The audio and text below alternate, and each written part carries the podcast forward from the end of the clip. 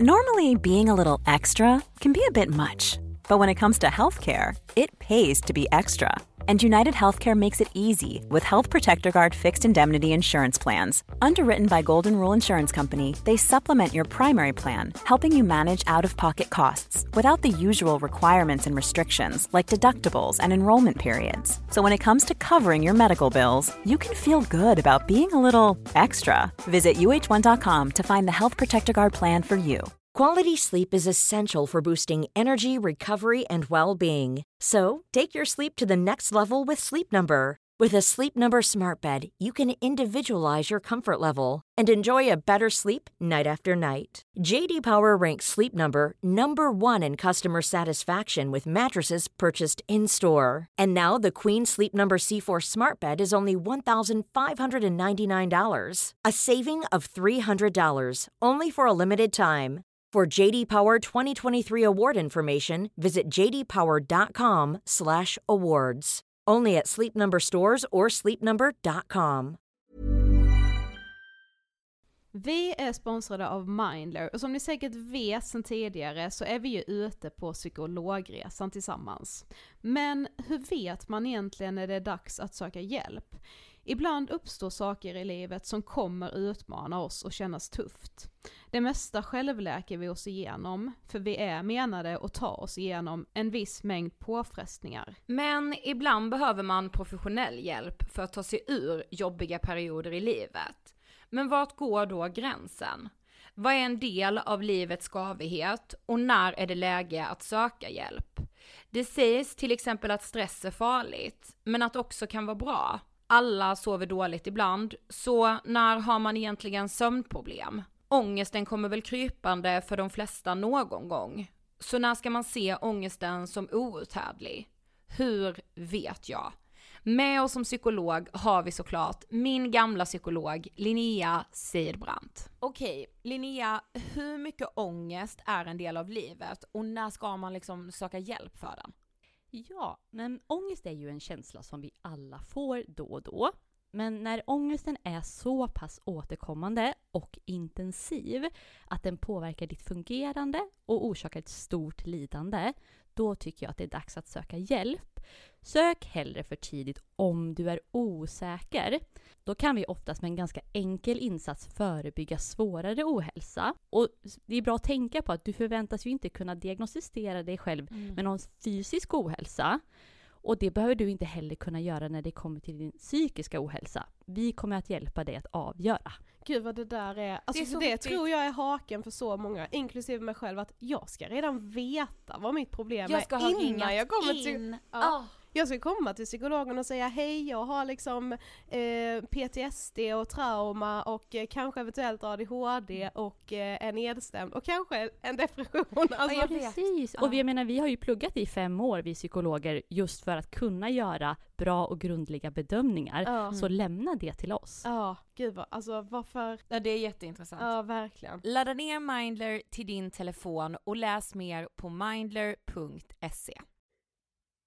Även om människan besitter en fantastisk förmåga till återhämtning kan ibland intryck från en livshotande händelse präglas starkt men fragmenterat så att minnen, tankar och rädslor inte släpper sitt grepp trots att månader eller år har förflutit. När man har svårt att få sitt liv att åter fungera efter en svår händelse på grund av påträngande minnen, mardrömmar och rädsla kan man ha drabbats av posttraumatisk stresssyndrom.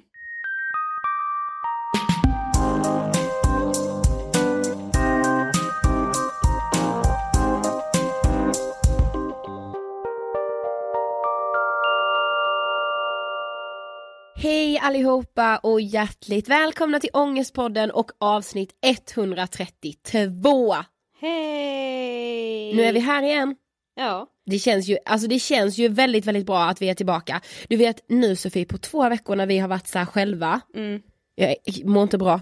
Nej men du vet förra veckan, jag hade ju liksom redan gjort klart våra så här sommaravsnitt. Ja. Så förra veckan klippte jag ingen podd. Nej. Och jag bara, det är något som fattas. mig. Du var helt tom. Nej men alltså du vet, ja, men helt plötsligt var jag så här, vilken dag är det? Alltså jag tappade det helt för att jag brukar ju alltid klippa podden måndagen eller tisdagen liksom.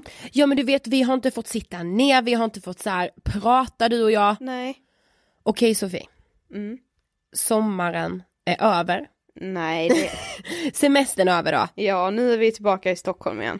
Hur var din semester? Den var eh, väldigt bra skulle jag säga. Mm. Och det är för att jag verkligen hade bestämt mig innan för att ha, alltså typ inte ha några förväntningar, inte bry mig om vad alla andra gör. Alltså jag fokuserade verkligen bara på att ta det lugnt och liksom, ja men verkligen bara chilla. Mm. Och det tycker jag ändå att jag har gjort. Vad skönt. Mm. Hur har din semester varit? Nej men helt ärligt, jag skrev ett inlägg till er som följer Ångestpodden på Insta. Så skrev jag så här, jag bara, ser jag en idyll till så spyr jag typ. Och jag har verkligen känt så, för, ja men du vet, det har hänt så mycket saker som jag känner står utanför min kontroll. Men ändå är jag mitt i det här kaoset. Och jag bara, jag orkar inte all den här, så här drama kring saker, intriger kring, kring grejer. Jag orkar verkligen inte det. Men ändå så dras man in i det, blir en del av någonting som man absolut inte vill vara en del av. Alltså jag är så trött. Jag är så så trött. Och ehm, jag vet inte, nej alltså jag har inte mått bra faktiskt, inte alls mått bra. Jag har varit så ängslig, mycket ångest, allting. Innan var jag såhär, jag bara älskar sommaren, jag mår så bra då, wow, chillaxa. Jag är verkligen inte så längre Nej, och men- jag orkar inte säga, alltså jag låtsas typ att jag har haft det skitbra för jag har inte det. Nej men det har jag verkligen lärt mig också. Det tror jag typ jag kände redan förra sommaren det här med att Ja men det är klart att jag älskar när det blir varmt och så här, åh man kan slippa ha jacka på sig, man slipper frysa när man Ja. går ut och just att det är ljust och så här. Men just sommaren som period är ju extremt stressig. Mm. För att man hela tiden, alltså man är så bunden av att vädret ska vara bra, annars kan man inte hitta på någonting. Man måste hinna göra så mycket på sin semester och åh nej, nu har jag inte gjort ett skit. Alltså, man blir ju bara typ uppjagad av varandra. Mm, jag vet. Och det ty- vissa kan säkert hantera det, vissa tycker inte alls det är jobbigt, men det tycker verkligen jag med är så jäkla jobbigt och jag känner verkligen så att sommar som årstid är jättehärlig, men det är ju inte min favoritårstid. Jag tycker ju det är härligare med liksom när vardagen bara flyter på, du vet att man känner typ att, alltså det, jag ska ju inte behöva vara ledig för att känna att jag liksom mår bra. Nej nej Jag nej. värdesätter ju mycket mer än vardag där jag bara så här, det här är bara bra. Ja men jag vet, gud vad skönt. Ja. Men du vet nu var det inte så här, det var inte, jag har inte känt så här, bara gud jag jämför mig med alla andra, vad gör de? Det är verkligen inte det, det är mer så här, du vet, ja, men saker som har hänt och jag bara, men snälla, kan saker bara vara lugna? Mm. Ah, jag vet inte, men jag har verkligen inte mått bra i alla fall. Eh, men det känns väldigt skönt att vara tillbaka i Stockholm. Mm, Fast jag saknar mina föräldrar redan. det gör faktiskt jag med. Ja, Men jag känner att vi har en väldigt, väldigt spännande höst framför oss. nej, jag tror sprängs. Tror jag. Ja. För idag ska vi nämligen berätta en skitrolig sak. Yeah. Några av er kanske redan har sett det här. Mm. Men jag och Sofie och Ångestpodden, vi kommer åka med på Tubecon-turnén. Yay! Yay! Eller i alla fall, det är, hittills är det två stopp som är klara för vår del. Precis, och för er som inte vet vad Tubecon är så kan ni bara googla Tubecon. Det är typ som en jättestor festival där det är så här olika influencers som åker med och ja men det händer massa grejer under en hel dag typ. Mm. Och, Och- vi ska ju givetvis livepodda. Åh, herregud, jag blir nervös. Mm, ja, jag med. Men Fast fantastiskt. Det ska bli jättekul. Precis och jag tycker med att det är så här, gud vad ansvarsfullt av Tubecon att så här, vilja lyfta de här frågorna i det ämnet där så många unga människor finns. Och inte bara unga människor utan även föräldrar, vuxna som så här, påverkar. Fantastiskt. Ja, jag kan egentligen inte just nu komma på ett bättre ställe att faktiskt lyfta de här frågorna, för det är liksom, ja men det är, bra- nej, det kan inte bli bättre. Precis och vi kommer än så länge vara med i Linköping och Kristianstad. yes. Och ni kan bara gå in på tubecon.se så kan ni se all information. Så jag hoppas att vi ses. Ja, jag med. Men, dagens ämne. Mm. Det är så önskat. Ja, som ni hörde i början av avsnittet så ska vi idag prata om posttraumatiskt stresssyndrom. Mm. Eller så här PTSD som det förkortas. Ja, och idag, alltså man kan ju få PTSD av lite olika saker. Mm. Och vår gäst idag, Hanna, har varit med om en våldtäkt, vilken är en av de vanligaste anledningarna, anledningarna till varför man får PTSD. Men jag tänkte att vi ändå kan liksom så här, säga de vanligaste anledningarna som står på 1177. Mm. Och det är rån, misshandel, sexuella övergrepp, olyckor, naturkatastrofer, tortyr, krigshändelser, svåra upplevelser under intensivvård, en svår förlossning. Precis. Och det är väl egentligen saker som kan, som liksom berör en så mycket att hjärnan på något sätt sparar de här minnena på ett nästan obegripligt sätt. Precis. Som gör att minnena blir väldigt starka och det är väldigt svårt att släppa dem. Ja, och alltså vi kommer ju prata om allt det här i intervjun, ni kommer höra.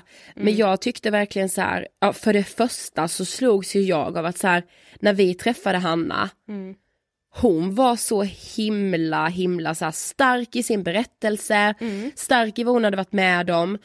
Och som sagt har hon varit utsatt för en våldtäkt. Och det sättet hon pratar om den våldtäkten på, det är så starkt. Mm, verkligen. Men eh, vi hoppas ju såklart att alla som har haft PTSD eller har det just nu, att ni ska kunna relatera, även om ni kanske har fått det från en helt annan orsak. Så Hanna berättar ju bara sin berättelse, eh, som jag är övertygad kommer hjälpa jättemånga. Sofie, vet du vad vi gör? Ja. Vi rullar intervjun med Hanna om PTSD. Varsågoda.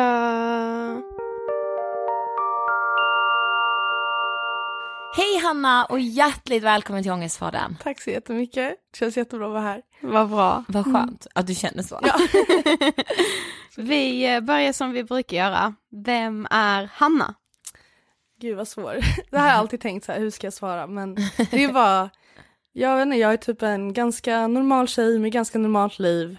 Eh, har jobbat sabbatsår nu, ett år, eller ja, jobbat ett år sedan eh, jag gick ut gymnasiet.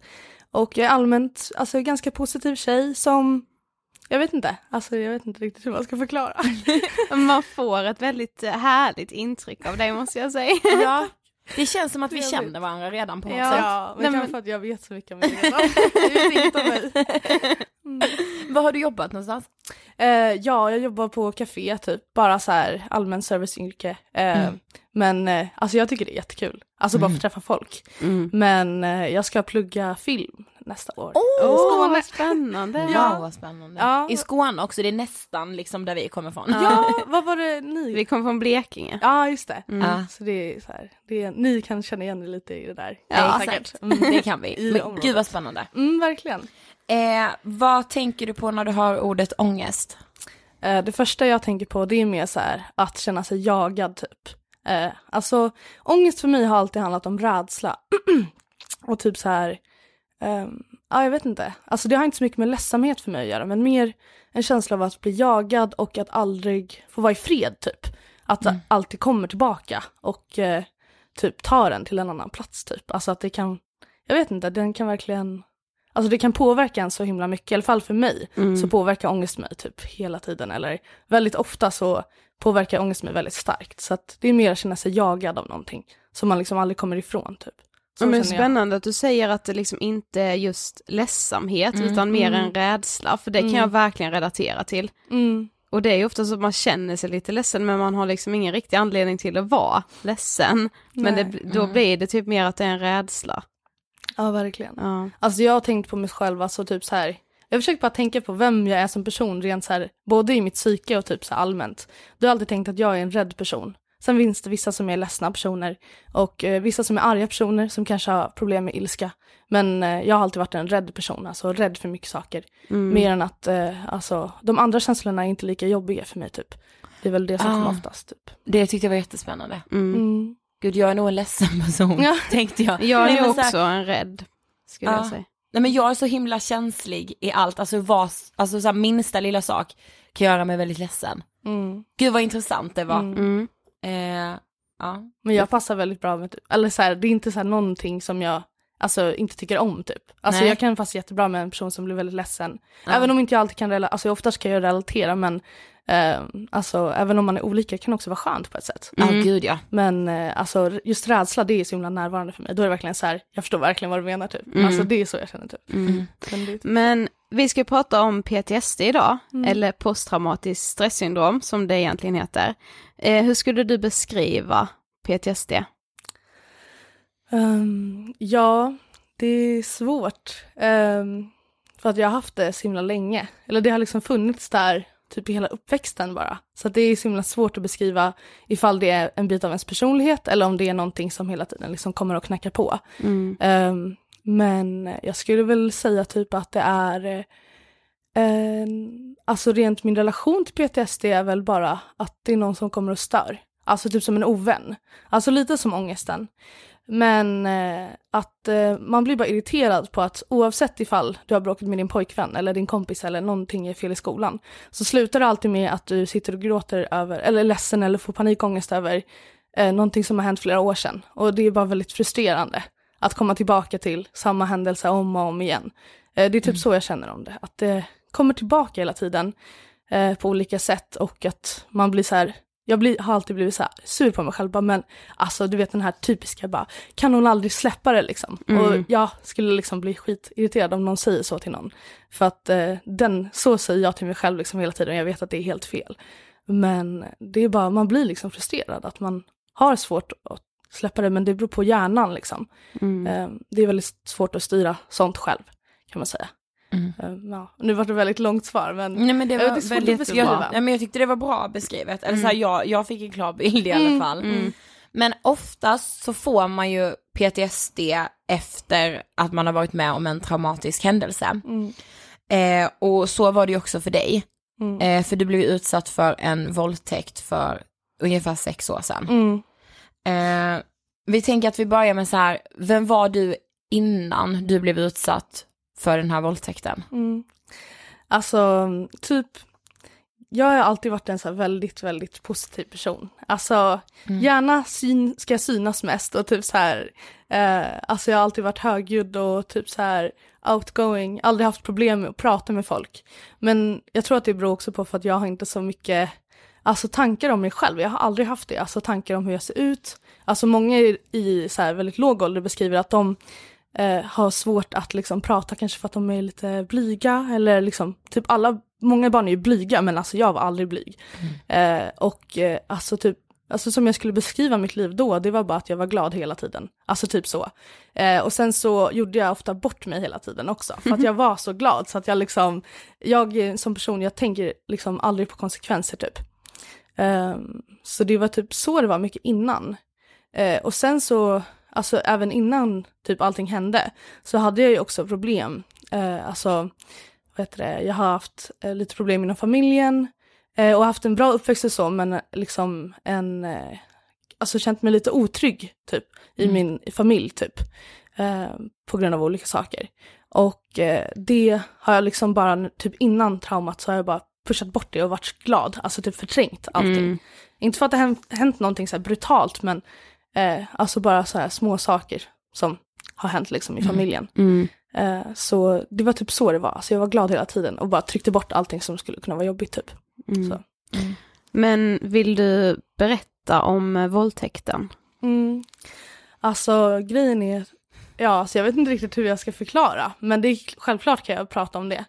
Um, alltså rent så här, det som, alltså man kan förklara mer hur det liksom, vad heter det, hur vi träffades och allting, för det är väl typ så här, det som var så sjukt med hur allting, typ så här, det känns som att hela mitt liv bara gick åt helvete typ. Alltså det var typ så jag ser på det, eller så det känns för mig typ.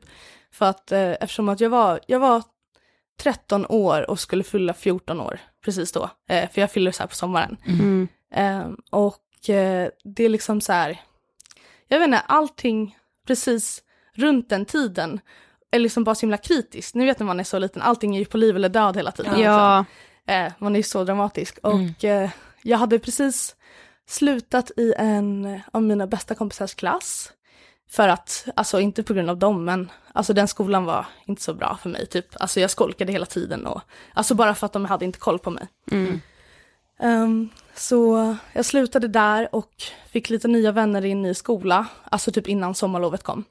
Ehm, och eh, sen, och då var det också så här att eh, typ mina kompisar då som gick i den andra skolan, de mådde inte heller så bra, alltså de var också så här going through stuff typ. Mm. Så att det var väldigt så här svårt för mig att, eh, alltså jag hade typ inga vänner typ, kan man Mm. säga. På sommaren, alltså det var så här, de tog hand om sina grejer och många var så utomlands du vet. Mm. Eh, ja. Så att jag vaknade på morgonen och bara, alltså jag fick så här panik för jag hade ingen att vara med typ. Och det är väl mer när jag är med folk som jag är glad. Alltså när jag är Mm. ensam så är jag typ inte så glad som folk tror att jag är typ. Ehm, så att eh, då så började jag prata med en av min brorsas kompisar. Ehm, och eh, det var typ så allting, allt började gå ut för typ. Mm. Ehm, för att eh, typ anledningen, alltså det är så himla konstigt, men anledningen varför jag började prata med honom var för att ehm, jag hade just haft min så här första kyss, min första kärlek. Mm. Och han så här dumpade mig så här bara stenhårt typ. Ja. Eh, och då blev jag så himla hjärtekrossad så gick jag till någon annan för att prata om det typ. För att han, de kände varandra så jag tänkte att du kan sitta och snacka skit om den här killen som har liksom typ dumpat mig för någon annan. Mm. Ehm, och så det var typ så som vår så här, hemliga romans här, började. För att han ville hålla det hemligt för att han var 19 kanske och jag var Mm. typ 13-14. Mm. Och visst, alltså det är så här varningstecken liksom, såklart. Men på den tiden så var det så här, jag trodde ju aldrig att det skulle leda någon vart. Alltså jag, jag trodde inte han var kär i mig överhuvudtaget när vi började prata. Så att det var liksom, eh, alltså det är svårt att greppa när man är liten att det är så Ja, stor skillnad. absolut. typ. Och det är Mm. så här, nej, ja. Nej, men det var bara, så det var, så inleddes en relation mellan oss och, eh, vad heter det, alltså det var bara, det började så himla bra och sen så bara vart det konstigare och konstigare. Men jag tror att han eh, bröt ner mig väldigt mycket. Eh, så att jag hade svårt att ta mig ur det, alltså det är verkligen så här negativ relation, eller vad heter det, abusive relationship. Ja. ehm, som jag hade med honom. Bara för att eftersom att han var äldre så vet han väl bättre, han vet väl vad han håller på med liksom. Precis, man ser ju upp till de som är äldre när man är så liten. Ja, verkligen. Ja, Och speciellt i den åldern också Mm, liksom. precis. I alla fall var det så för mig. Mm. För att det enda man ville ju var ju bara vara äldre typ. Alltså Mm. man Ja. ville ju bara vara lika gammal som dem och typ så här, leva deras liv. Jag och bli omtyckt av de som är äldre, det är väldigt Ja. viktigt. ja precis. Ja, verkligen. Ja, det var så himla svårt för mig för att liksom, det var liksom min första, eh, alltså vissa, vissa personer är ihop på dagis och typ så här, du vet. Mm. Men jag hade aldrig haft någon som hade så här, tyckt om mig. Och det var liksom anledningen varför jag ens Även fast jag fick typ ont i magen efter jag gick därifrån och det inte kändes bra. Och liksom, jag vågade inte säga något till mamma för att jag vet att hon skulle typ säga att eh, den här killen verkar inte bra för dig. Mm. Men Mm. bara på grund av att för första gången så har jag fått liksom smak för att någon så här kollar på en eller Ja. bara tycker om en på det sättet. Mm. Så var det liksom så här, alltså jag kunde liksom inte sluta, det blev som ett beroende. Typ. Ja. Ehm, så det var typ därför som jag skulle säga att allting, alltså det är så himla svårt just när det handlar om såna här grejer för att jag vill verkligen liksom inte säga till någon annan person och det är så himla sjukt att någonting någonsin skulle vara deras fel för det liksom tycker jag verkligen inte och jag tycker inte ens det om mig själv. Men det känns verkligen så, alltså speciellt när det handlar om våldtäkt, det kommer så mycket skam med. Och det är så himla svårt för jag har tänkt på det så många år, bara varför sitter jag och skäms? Det är så himla sjukt. Ja. Men det, jag vet inte varför, det bara blir så. Jag har inget bra svar på det. Men typ om jag ska förklara lite vad som hände så vi blev ihop ehm, och sen, vad heter det, Ehm, alltså vi typ så här, han frågade mig om vi skulle ha sex första gången Eh, och jag var så här, ja visst liksom. För att jag var så här, bara, men det har man väl när man är kära. Mm. Eller Mm. liksom, jag hade aldrig haft det. Nej. Så det var så här, och det liksom, då var det fine. Men det var mer så här att det började bli så här tjatsex typ. Ja. Alltså efter ett tag. Och liksom efter första gången då var jag så här mätt. Jag tyckte att det var lite konstigt bara. Alltså jag vet inte om det var för att jag var så liten. Mm. Men jag hade verkligen aldrig så här, alltså, alltså jag var typ helt så här, jag är en väldigt naiv person. Typ som inte tänker så mycket på sånt. Så att det var så här, alltså jag tyckte att det var liksom, och kul första gången men det var ingenting som jag så kände att jag behövde göra om typ. Nej. Det var ingenting som jag var så här, värsta nya världen som öppnades för mig. Nej. Jag tror också för att det var så himla liten. Mm. Och då vet det, så började det bli så här tjatsex och sen blev det mer och mer. Och sen när, när jag började typ så här vara så här, bara, men försöka liksom stå för mig själv och vara så här, men jag vet inte liksom om det här känns bra. Kan inte vi bara pussas typ istället eller någonting? För att det är liksom så här, då var det, alltså han blev typ arg. Han tyckte att det, alltså han eh, tyckte typ att jag inte hade någon rätt att liksom typ jag vet inte, han var, alltså som jag ser det idag så är han typ en psykopat. Mm. På grund av det som hände sen liksom. Mm. Men i alla fall, över sommaren så hade vi den här lilla flörten, vad ska man säga. Sa att vi var ihop men ingen skulle få veta det. Han skämdes jättemycket över det. Och eh, sen så åkte jag bort och när jag kom tillbaka så hade han varit med en annan person. Alltså han typ brydde sig inte så mycket. Mm. Eh, och då så blev jag jätteledsen och då blev jag ihop med en annan person. Ja. För att jag blev så arg typ. Ehm, och sen så när jag skulle gå till honom och förklara för honom, bara, "Ah, men eh, jag har hittat någon ny och liksom, vi kan avsluta det här och vara vänner typ. Det var då som han blev liksom, alltså det var då typ själva våldtäkten hände på riktigt. Mm. För att visst när vi hade haft sex innan så var det ju jobbigt men liksom det jag var med om det är liksom så här, det är det som kommer tillbaka. Mm. Eh, det andra var trappade, var någonting som trappades upp. Mm. Ehm, så det var liksom, ja, jag vet inte riktigt hur jag ska förklara, det var bara att eh,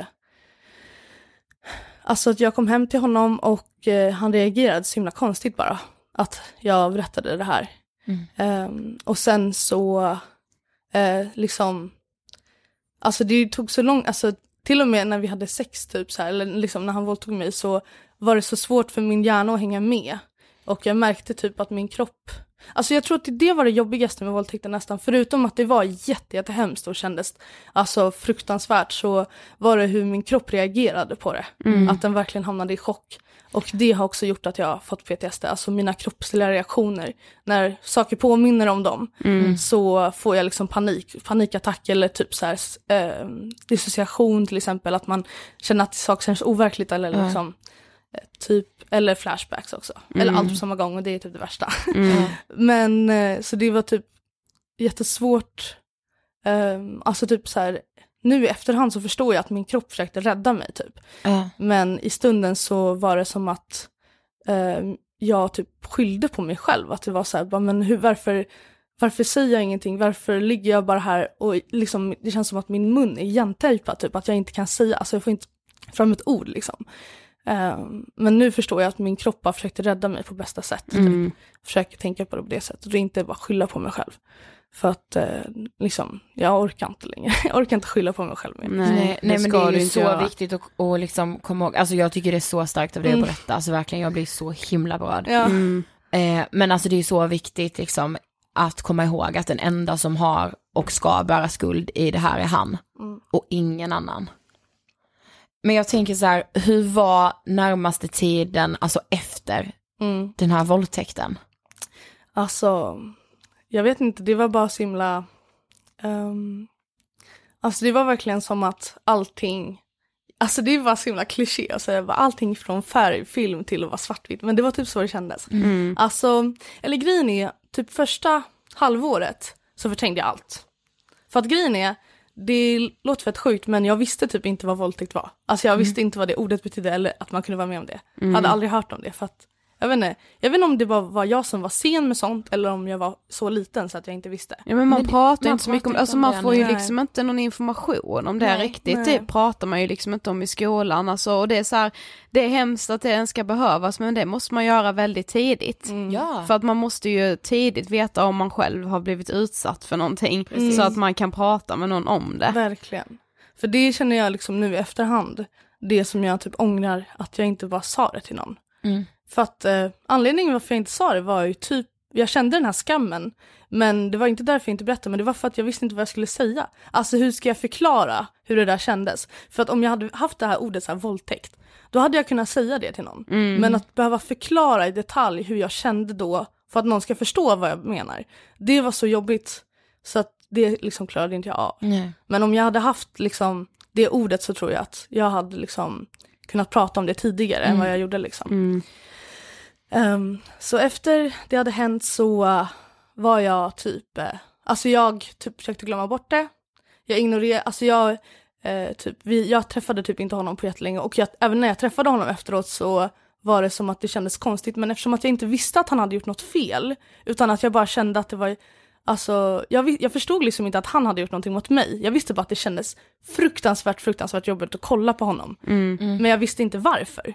För att liksom den här händelsen var inte värsta, alltså den var en i mängden av en dålig relation. Ja. Så att det var svårt att förstå att det var just det som fick mig att må så fruktansvärt dåligt liksom. Ehm, men typ allmänt, typ, alltså jag hade fått en typ kompis som jag fortfarande har i skolan som jag flyttade till. Så efter sommaren så träffades vi och eh, hon, sa, hon liksom var en, alltså tacka gudarna för att jag hade henne för att hon Mm. var liksom den enda som sa hej till mig varje dag. Och det behövde jag verkligen. För att jag sa inte hej till någon. Alltså jag Mm. pratade inte. Och nu vet jag är en sån person, jag liksom pratar konstant i vanliga fall. Det är Ja. typ min personlighet. Ja. Ehm, så det var väl typ det som hände med mig för att min hjärna försökte processera vad som hade hänt. Mm. Så att jag varit helt inåtvänd och typ mådde, alltså jag gick in i en depression har de sagt efteråt. Ehm, men det var typ det som hände mig, att jag bara Cool fact a crocodile can't stick out its tongue. Also, you can get health insurance for a month or just under a year in some states. United Healthcare short term insurance plans, underwritten by Golden Rule Insurance Company, offer flexible, budget friendly coverage for you. Learn more at uh1.com. Quality sleep is essential for boosting energy, recovery, and well being. So, take your sleep to the next level with Sleep Number. With a Sleep Number smart bed, you can individualize your comfort level and enjoy a better sleep night after night. JD Power ranks Sleep Number number one in customer satisfaction with mattresses purchased in store. And now the Queen Sleep Number C4 smart bed is only $1,599, a saving of $300, only for a limited time. For JD Power 2023 award information, visit jdpower.com/awards. Only at Sleep Number stores or sleepnumber.com. blev helt tyst och eh, typ redan PTSD så var det bara mardrömmar jag hade. Som jag inte förstod liksom. Var liksom att det var samma händelse men i efterhand så förstår jag att det är det. Men det var bara att jag vågade inte sova på nätterna för att jag hade så mycket mardrömmar liksom. Men när märkte du så här symptom på PTSD? Alltså jag tyckte att det var så himla svårt. Alltså jag tror att det var liksom redan eh, bara typ samma år som det hade, alltså direkt efter det hänt liksom. Men jag fick typ inte diagnosen förrän typ kanske två, tre år senare. Alltså det är först nu på senare år som jag har fått min diagnos. För att, eh, och jag har liksom, jag har gått hos psykolog liksom konstant sedan det har hänt typ. Och ibland har jag lite paus men, eh, men det har varit, jag tror inte att jag har kunnat förklara riktigt hur jag har mått typ. Så bra för att jag tycker att det är så jobbigt att prata om. Ehm, så jag tror att, alltså jag tror att jag har haft eh, diagnosen länge, alltså hela tiden typ. Men att den har tagit sig uttryck på sätt som folk inte har förstått att det är PTSD typ. Alltså till exempel i min depression så trodde folk bara att jag var deprimerad. Men jag, jag berättade inte om de här drömmarna eller att jag liksom får flashbacks hela tiden. För att det var så jobbigt att prata om typ. Ehm, men jag tror jag har haft det liksom ända sedan det har hänt typ. Men eh, hur skulle du beskriva typ din PTSD när den har varit som värst? Mm, det typ, som jag tycker är jobbigast med den, det är typ att ehm, att den kommer så ofta tycker jag är jobbigt. För att då blir jag så himla deppig och orkar liksom inte. Ehm, typ, det är väl det som jag tycker är det jobbigaste, när den, när den eh, kommer flera dag- gånger om dagen. Ehm, och det är väl då som det, jag ser det som värst, typ. att det är så här, jag blir verkligen inte lämnad i fred. Alltså jag blir tvingad att se det här om och om igen. Ja. Ehm, Så det liksom spelas upp i huvudet och man kan inte bryta det liksom? Exakt. Ja men det, det är typ så här situationer som när folk ser mig som jag tycker är det jobbigaste. Och jag tror också därför jag fick liksom panikångest. Eh, för att eh, när det kom i sådana situationer så fick jag panikångest för att jag var rädd att någon skulle se på mig att det är något fel på mig, typ att jag ska Ja. bli utstött typ. För att jag behövde verkligen alltså folk runt omkring mig. Jag behövde typ så här någon som frågade mig hur jag mådde hela tiden. Så att jag var så himla rädd att folk skulle ty- sluta tycka om mig. Så att jag vågade liksom inte visa egentligen hur jag mådde typ. Men jag tror det jobbigaste är typ när man sitter till exempel i, alltså bara i situationer som är så jobbiga. Typ att eh, man sitter och gör prov typ och hela klassen är där. Och sen så liksom kommer det en bild förbi eller liksom det blir som en film typ att man hör och känner allting och ser allting. Då är det så himla jobbigt för att när jag kommer tillbaka till verkligheten så vet inte jag om jag har liksom hur jag har sett ut, om jag har gråtit, om jag har liksom, ibland så brukar jag svimma. Eh, och grejen är, min psykolog säger att jag kan inte kalla det för att svimma för att det är bara att jag reagerar eh, med sån här frysrespons. Alltså som man gör på våld- i våldtäkten. Men jag gör det liksom Du jag kan göra det nu med liksom. Ja exakt. Ja. Jag vet inte, jag tror inte det är så vanligt för att jag har typ så sökt för det. Jag hittar inte någon, som har ju liksom känner igen sig men för mig så är det bara att min kropp, alltså min rädsla för traumat gör att jag reagerar med samma respons som i traumat. För att Ja. min kropp har lärt sig att det är så man reagerar. Att den, den tror liksom att eh, det jag ser är på riktigt liksom. Mm. Så det är därför jag får panikångest eller börjar liksom, alltså typ så här dissociera när jag får en flashback. För att min, eh, min hjärna liksom uppfattar det typ så här hotet som verkligt. Och det är väl det som är så jobbigt med PTSD, typ att man det känns så himla verkligt och det känns som att man är hotad på riktigt. Fastän det har gått flera år och du har bara liksom bra människor omkring dig så blir man typ så himla paranoid av den här känslan att man är jagad eller att, att det händer här och nu typ. Ja. Det är det som är jobbigt typ. Mm. Att säga. Men det är ju väldigt vanligt eh, och du sa ju själv att du blev så här tillbakadragen och inte pratade lika mycket som du alltid hade gjort och så. Men Mm. hur var du liksom mot din familj och så, vilka visste om det här och Alltså det var ju, vad heter det, alltså jag och min familj bråkade jättemycket då. Mm. Alltså också på grund av att jag har liksom haft problem inom familjen tidigare men att nu istället för att trycka bort det så bara vill jag bara, alltså jag var ju så himla ledsen när jag var själv och jag var så himla arg när jag var typ med mina föräldrar. Men nu förstår jag också typ att, eh, alltså att prata med mina föräldrar var verkligen en trigger för mig. Alltså till exempel, jag tyckte det var jättejobbigt när de försökte bestämma över mig. Eller säga så här, du kan inte göra sådär. Du vet som man gör när man är så gammal liksom. ja. Och då var det så här, vad heter det? Alltså det var som en trigger för mig att den personen fick inte ha makt, ingen fick ha makt över mig. Så Nej. det var därför jag så här skrek så mycket och bråkade var för att jag försökte få min egen makt. För att jag liksom kände mig maktlös på grund av vad som hade hänt liksom. Så att det var väl typ så det var mycket i familjen, att jag bråkade mycket och var jätte, alltså folk förstod inte för att det gick från att jag var den här jätteglada tjejen till att bara, alltså typ så här, alltså jag blev så fruktansvärt arg att jag brukade så slänga saker, alltså jag såg svart liksom. Mm. Eh, och sen så när jag var själv så var jag väldigt så här ledsen och eh, förstod inte varför jag inte kunde bli glad igen typ. Men jag visste inte varför jag var så arg eller ledsen liksom. Mm. Men de visste ingenting om liksom, er, du berättade aldrig liksom om det här förhållandet som du hade haft med den här killen eller om våldtäkten alltså. Nej, alltså jag tror att de kanske visste att jag var kompis med honom. Men liksom inte att jag hade varit typ ihop med honom. Mm. Utan det var först, eh, alltså typ ett halvår senare, när min killen som jag var ihop med, för det var också så här skambelagt för att jag var ihop med en kille när det hände. Och jag tänkte så här, om man har sex med någon, när man är ihop med någon annan, då är man ju otrogen. Ja. Så jag gick ju runt i den här tron att jag var otrogen hela tiden liksom. Ja. Så det var ju så jobbigt. Så sen när jag, eh, när vi gjorde slut sen, så då kom liksom PTSden så här verkligen och tog mig. För att eh, då var det, alltså då hade jag ingenting att hålla fast vid. Nej. För jag liksom levde i den här lögnen att det inte hade hänt för att, eftersom att jag hade varit otrogen typ. Mm. Så det var typ så, det var mycket. Alltså, och sen typ när jag berättade, det var när jag blev ihop med en ny person och så berättade jag om typ så här, den här personen jag varit ihop med.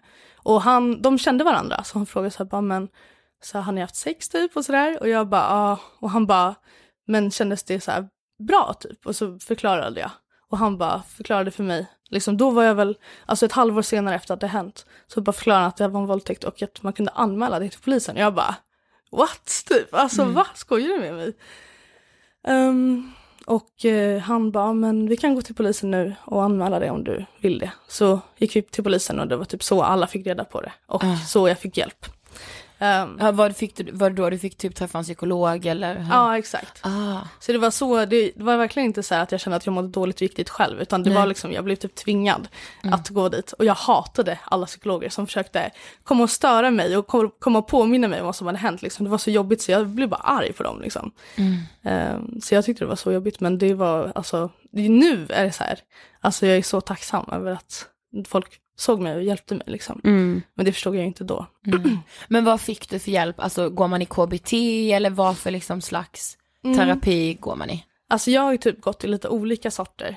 Ehm, men liksom innan, eh, vad heter det, alltså innan jag fick diagnosen så var det också mycket KBT. Mm. Ehm, och eh, sen så gick jag hos kurator, typ så här, vad heter brottsofferhjälp, typ Mm. så här, som hjälpte jättemycket. Och eh, alltså det var bara tufft det året, var väldigt, alltså det var då jag var också väldigt deprimerad. På grund av hela rättsprocessen och allting. Såklart. Ehm, så det var, och det är så utdraget, ni vet. Alltså det tog typ ett år innan liksom allting var klart. Mm. Ehm, och det var ju typ så här efteråt, så det var då jag började läka på riktigt tror jag. För att annars så upprepar man bara vad som har hänt en utan att liksom förstå. Och eh, det var så jobbigt att prata om.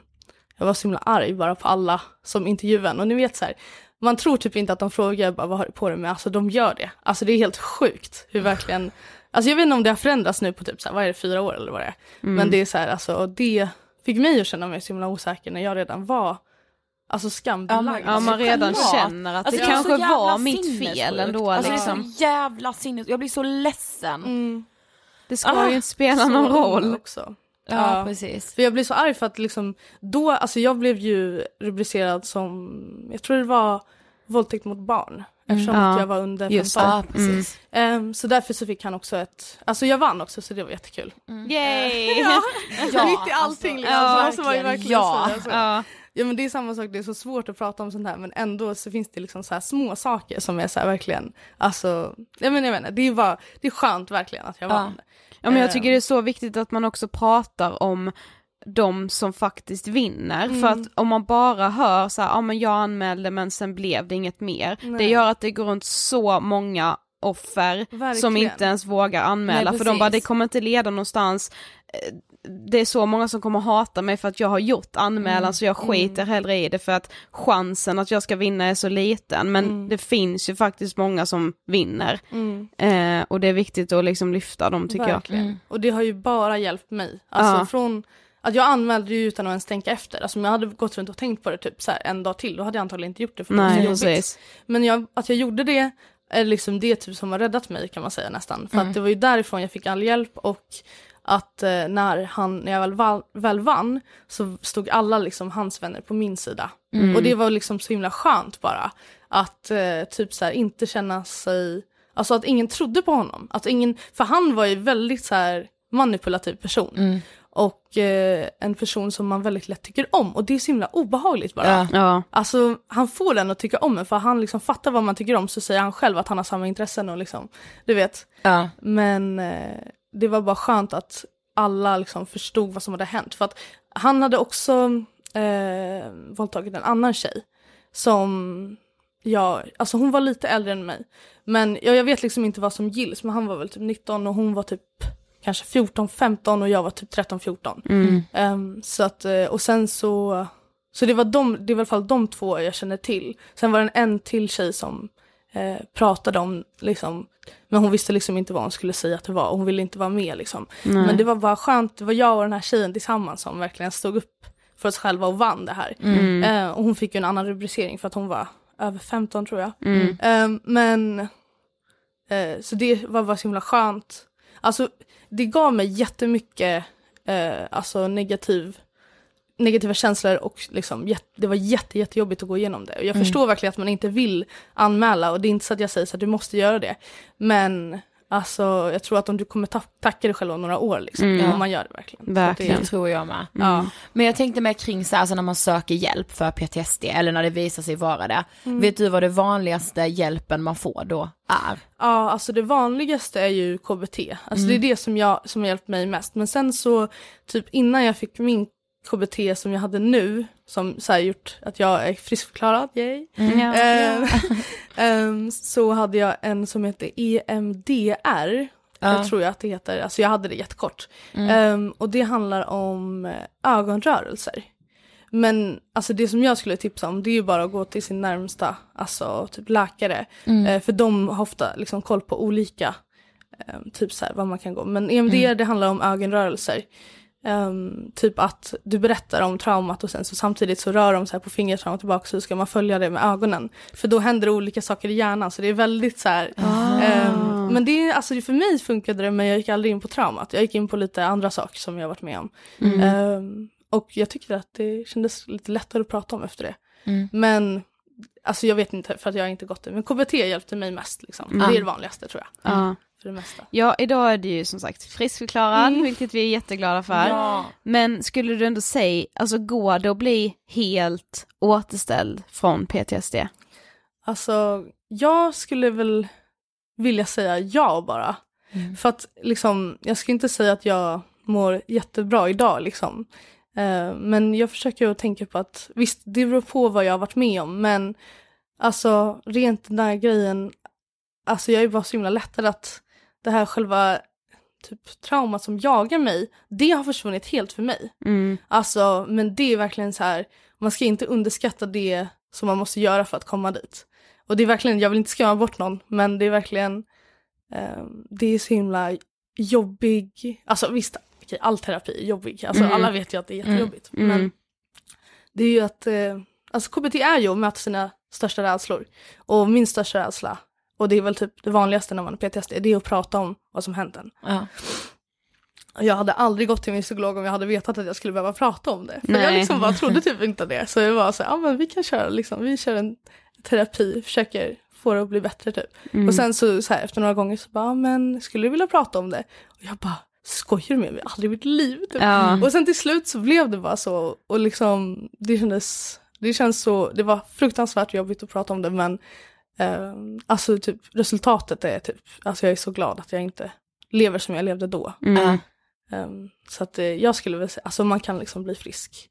Mm. Alltså jag vill verkligen typ så här tro på det. Mm. Och sen samtidigt så tror jag att jag, okej fortfarande ha ångest, men det, det är mycket sådär inom terapi att man måste kunna hantera det Mm. som man känner och så. Även om det inte går bort helt. Men för mig har det gått bort väldigt mycket. Mm. Det är skönt. Mm. Ja, men finns det någonting så här, nå, något som kan trigga igång, alltså så här, att du känner av det? Mm. Alltså det finns ju, nu är det, har jag liksom färre triggers än jag hade innan. Men det finns ju fortfarande saker som liksom alltid kommer vara jobbiga. Mm. Eh, till exempel se våldtäktsscener på film. Mm. Alltså jag har väldigt så här, eh, alltså mina triggers kan vara allt från att man verkligen förstår det till att det kan vara typ Gud, vad ska man säga? Det finns så många olika triggers. Ehm, folk som liknar honom kan jag tycka är otroligt Ja. jobbigt. Ja. Eller någon som pratar som honom. Tycker jag också är otroligt jobbigt. Det är typ de starkaste triggerna. Ehm, men sen, nej, och sen har jag också en som är, som är väldigt, väldigt stark fortfarande. Och det är att eh, om det kommer någonting mot mitt ansikte så får jag panik för att han, eh, vad heter det, det var typ en del i traumat som han liksom trycker ner i mitt ansikte i hans skrev typ. Och eh, den delen är liksom den som är minst bearbetad för mig. Och den som finns liksom lätt, lättast, liksom poppar upp bara hur som helst. Ja. Eh, och jag tror att den, liksom, den triggern tror jag typ finns kvar mycket mer än alla andra liksom. Mm. För att eh, det där att det spelas upp i mitt huvud på samma sätt, liksom när man har bearbetat traumat så, så är det inte lika typ så här färskt. Typ. För det var så sjukt att det har gått fem år och jag kunde minnas hur det såg ut liksom i taket, kunde minnas liksom ljuden och typ så här hur sängen såg ut och hur hans ansiktsuttryck såg ut. Och liksom, jag kunde minnas i detalj verkligen på ett sjukt sätt som Mm. inte liksom är normalt. Mm. Um, Medan när jag har bearbetat traumat så är det mer lite dimmigt liksom. Om jag får en trigger så är det mer dimmigt eh, och bara en jobbig känsla typ. Mm. Eh, men att, att ha liksom stark PTSD är verkligen väldigt jobbigt för att du, du blir liksom frånkopplad verkligheten eftersom att du liksom dras in i den här alternativa verkligheten hela tiden. Mm. Så, och jag, typ så här, en sak som jag tycker är otroligt obehagligt, det är att jag är väldigt typ så här rädd, alltså det här är väldigt konstiga tankar som jag har, men jag är väldigt rädd att eh, jag fortfarande är där.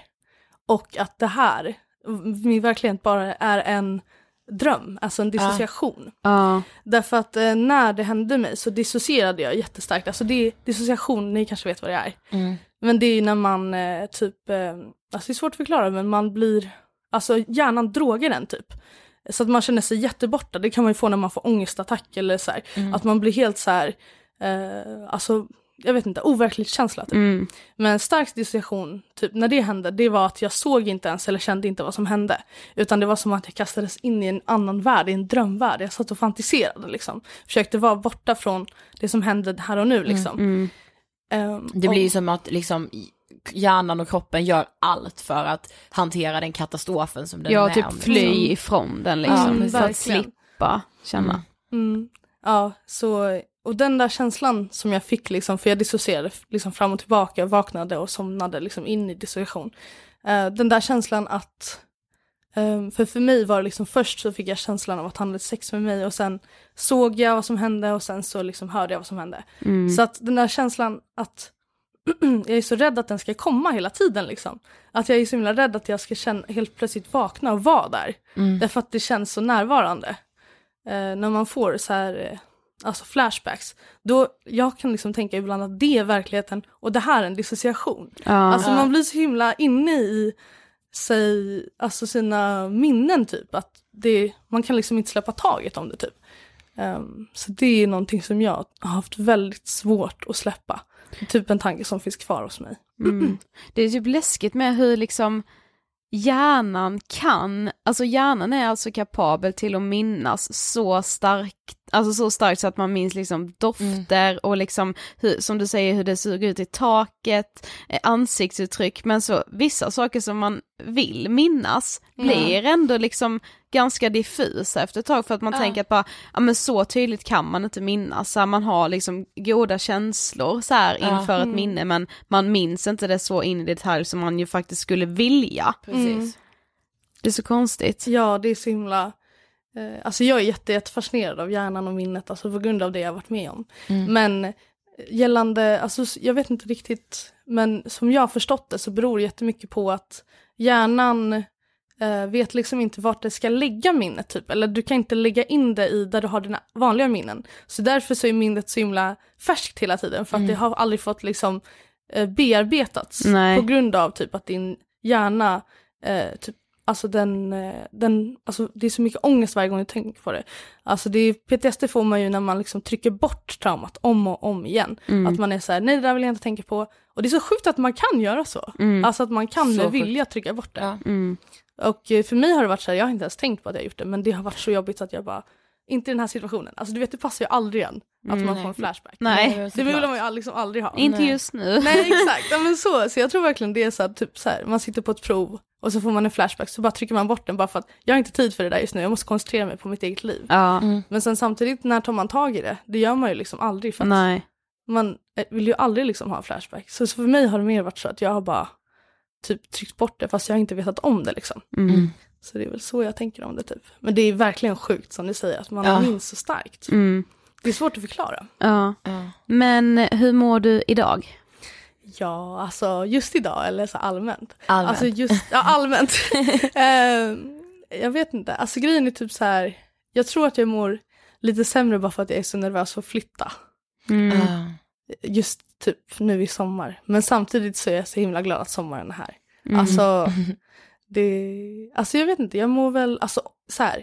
jag mår inte tipptopp hela tiden. Men om man jämför med vart jag har varit så liksom är jag, mår jag otroligt bra. Kan man Mm. säga.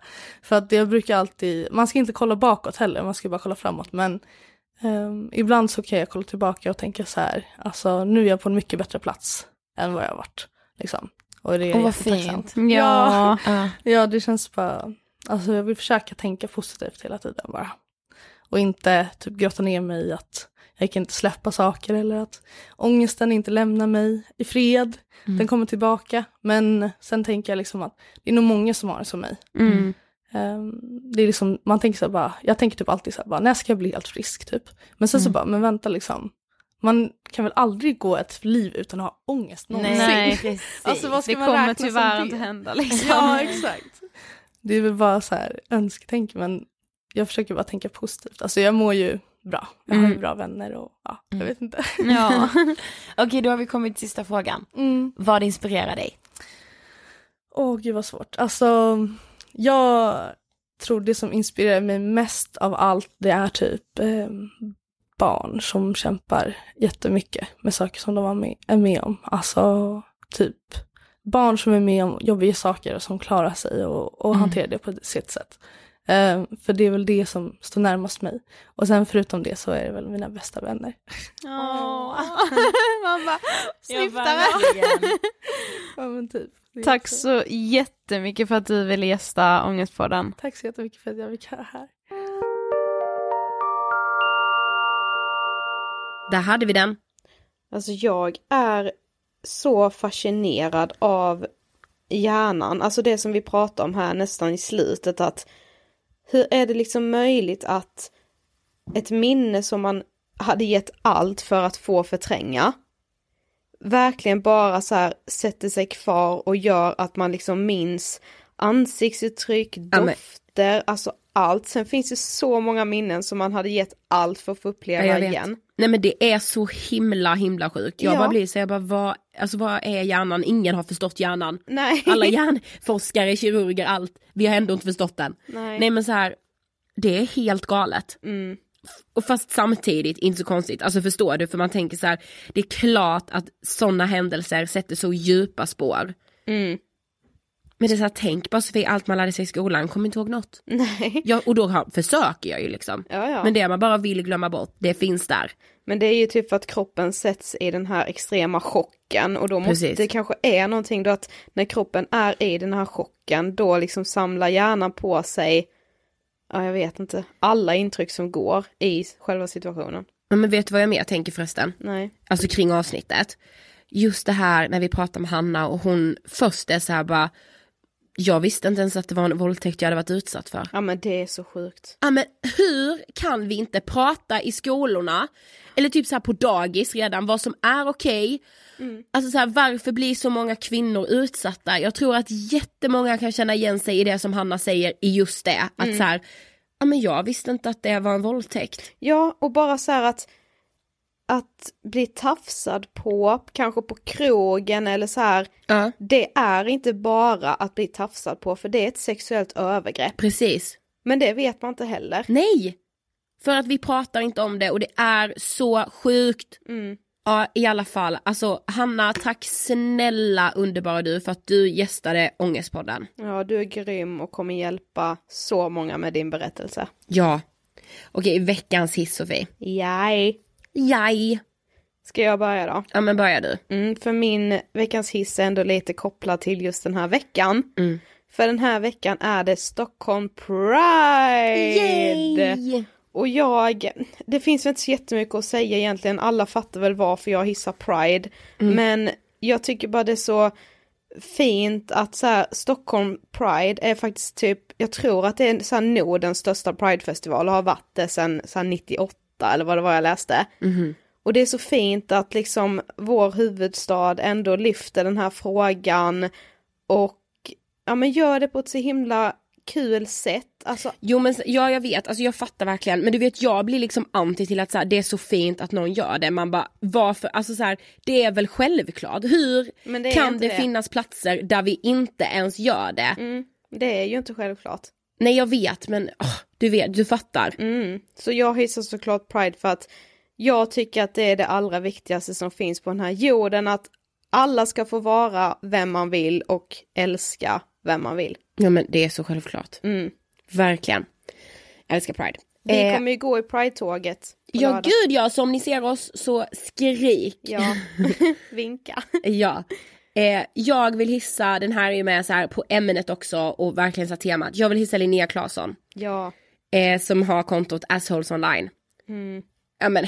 Har du här, lyssnat på hennes sommarprat? Ja, behöver jag säga någonting? Hennes sommarprat, hon, allt hon gör Mm. i den feministiska kampen för alla kvinnor.